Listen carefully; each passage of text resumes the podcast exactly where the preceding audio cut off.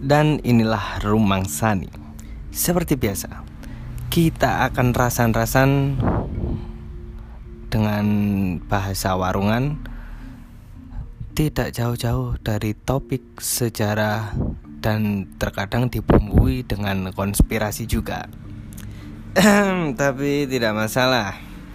Karena pada episode kali ini Kita akan rasan-rasan Eh, seorang tokoh besar, tokoh yang sangat besar di dunia filosofi di Indonesia. Siapakah dia? Tan Malaka. Langsung saja masuk kepada pembahasan topik kita. Sakit memang rasanya bila cinta ditolak. Banyak tragedi yang terjadi gara-gara cinta bertepuk sebelah tangan tidak hanya kita-kita saja yang mengalami. Orang besar pun pernah merasakan pahitnya sebuah penolakan. Dan Tan Malaka adalah salah satunya. Tan Malaka dalam sepenggal kisah hidupnya memang pernah merasakan pahitnya ditolak cinta. Tapi Tan Malaka tak lantas merasa dunia kiamat karena cintanya bertepuk sebelah tangan. Dia tak seperti kita-kita yang cepat-cepat bikin tweet sedih di Twitter tatkala kisah cintanya tuntas atau ambruk atau ambiar di tengah jalan. Walau saya juga tidak tahu apakah Tan Malaka juga akan bikin tweet seandainya sudah ada Twitter ketika itu. Saat muda, Tan Malaka pernah dihadapkan pada situasi tersulit dalam hidupnya Iya, ketika itu baru lulus dari sekolah raja di Bukit Tinggi. Sekolah raja itu dulu namanya Quack School. Syahdan ketika itu Tan Malaka yang masih berusia 17 tahun diputuskan dapat gelar datuk. Keputusan itu berdasarkan rapat tetua adat Nagaripan dan Gadang 50-an kota. Tan Malaka mati-matian menolak. Namun ancaman pun keluar yang akhirnya membuat Tan menyerah. Ibunya memberi pilihan sulit. Menerima gelar atau segera menikah. Tan Malaka pun akhirnya menerima gelar datuk. Gelar yang merupakan gelar tertinggi dalam adat Minang. Mungkin beliau Tan Malaka ini berpikir daripada saya durhaka kepada orang tua, akhirnya saya seperti nasibnya Malin Gundang. Gelar lengkapnya Ibrahim Datuk Tan Malaka.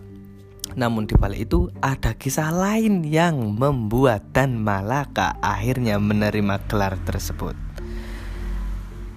Nyanya dinyanya, ternyata dia memendam rasa suka kepada seorang gadis. Dia mencintai gadis tersebut itu yang membuatnya memilih gelar datuk. Gelar yang didebatnya dengan sengit Ketimbang harus kawin dengan perempuan pilihan ibunya. Dia Syarifah Nawawi. Mengutip majalah Tempo edisi khusus kemerdekaan Bapak Republik yang dilupakan Yang terbit 17 Agustus 2008 Syarifah adalah anak keempat Nawawi Sultan Makmur guru bahasa Melayu di Quack School. Benih cinta Tan Malaka mulai tumbuh ketika pertama kali dia bertemu dengan Syarifah saat sama-sama sekolah di Quack. Tan dan Syarifah tercatat sebagai siswa Quack angkatan 1907. Ketika itu, siswi satu-satunya di angkatan itu adalah Syarifah. Kepada kembang kelas itu, cinta Tan mulai tumbuh. Di Quack School, cintanya mulai menggeliat sampai akhirnya Tan Malaka harus pergi ke Belanda melanjutkan studinya. Seperti lelaki muda lainnya, walau terpisah ribuan mil, Tan Malaka rajin berkirim surat kepada Syarifah, bukan berkirim jagung dan gandum. Sampai kemudian ia coba melepaskan panah asmaranya. Lewat surat itu, ia mengungkapkan rasa cintanya kepada teman satu angkatannya itu. Catat ya, lewat surat, bukan lewat status Facebook atau chat WhatsApp, apalagi lewat acara reality show yang tidak penting seperti di televisi, tapi lewat surat alat komunikasi pesan yang kini sudah dianggap usang karena kalian capek menulis, mending ngetik. Namun apa daya? Cinta Tan Malaka yang diungkapkan lewat surat itu tak terbalas alias bertepuk sebelah tangan. Jauh ku sadari Syarifah si gadis pujaan menolaknya Lantas Apakah Tan kecewa? Sudah pasti Tan kecewa Tapi ditolak cinta Tidak lantas membuat Tan Malaka frustasi. Beliau tidak mengambil langkah-langkah yang tak masuk akal. Misalnya meminta dukun untuk bertindak. Cinta ditolak Dukun bertindak. Atau dengan konyol Memasukkan alat dapur ke leher korban dengan cara santet. Tidak. Beliau pilih move on. Dalam rumus hidupnya masih banyak yang bisa dikerjakan ketimbang meratapinya. Bagi Tan Malaka, urusan ditolak cewek itu urusan kecil, urusan yang gampang diatasi. Masa iya sekelas Tan Malaka tidak bisa mengatasi itu? Wong mengatasi Intel saja dia mampu. Ingat ya, Intel yang dikangkangi Tan Malaka bukan sekedar Intel Melayu yang suka bangga dan sombong.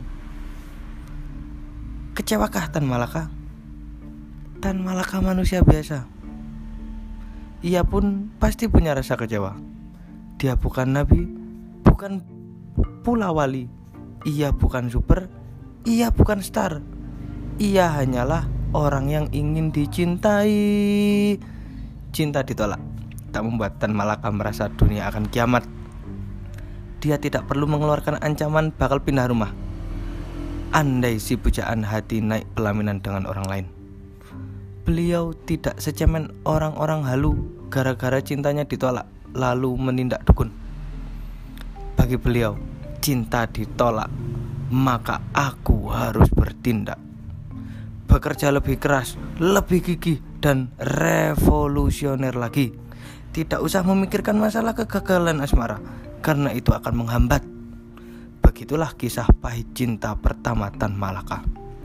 Namun, berkat kegigihannya dan berpikir revolusioner, banyak perempuan keren, edgy, yang kepincut sosok beliau. Ada beberapa nama perempuan lain yang kepincut beliau. Salah satunya dengan Fanny Struivenberg, mahasiswa kedokteran berdarah Belanda. Namun, gosip dan desas-desus sejarah dengan Feni Tan Malaka menjalin hubungan serius. Sayang, tidak jelas kemudian seperti apa hubungan kedua insan tersebut. Perempuan lain yang cukup disebut-sebut sempat singgah dalam kehidupan Tan Malaka adalah Nona Carmen, anak seorang rektor di Manila.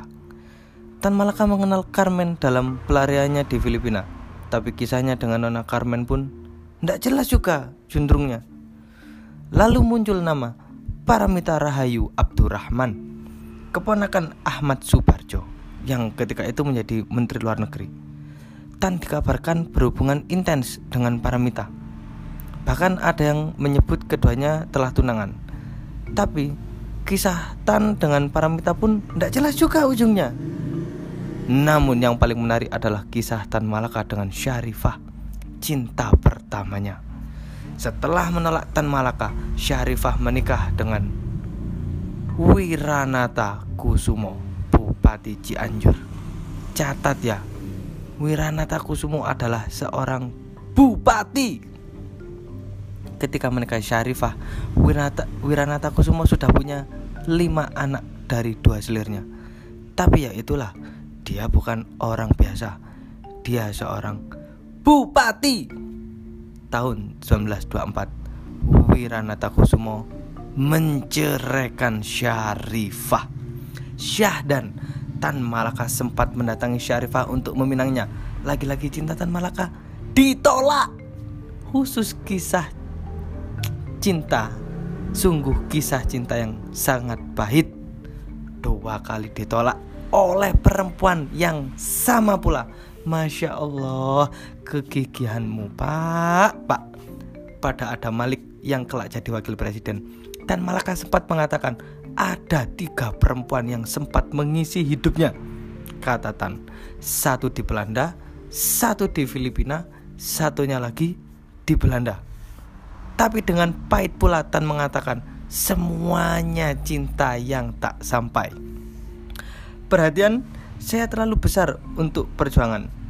Begitu kata Tan Malaka pada Adam Malik. Pengakuan Tan Malaka itu kemudian ditulis Adam Malik dalam bukunya Mengabdi Republik. Tapi memang cinta ditolak atau diputus cinta sakitnya luar biasa. Hanya orang-orang hebat yang bisa mengatasi itu. Beliau adalah pejuang revolusioner sedang kita hanya reman kerupuk sagu. Dari beliau kita mendapatkan pelajaran yang sangat berharga. Bagaimana move on dengan cepat. Dengan apa? Ya dengan mengerjakan hal yang lebih penting. Perjuangan membebaskan republik dari penjajahan itu yang dikerjakan dan Malaka. Kalau kita ya sesuai kapasitasnya. Baik hadirin. Cukup sampai di situ kita rasan-rasan Bapak Revolusioner Republik Indonesia ini. Terima kasih telah mendengarkan. Dan inilah Rumang Sani.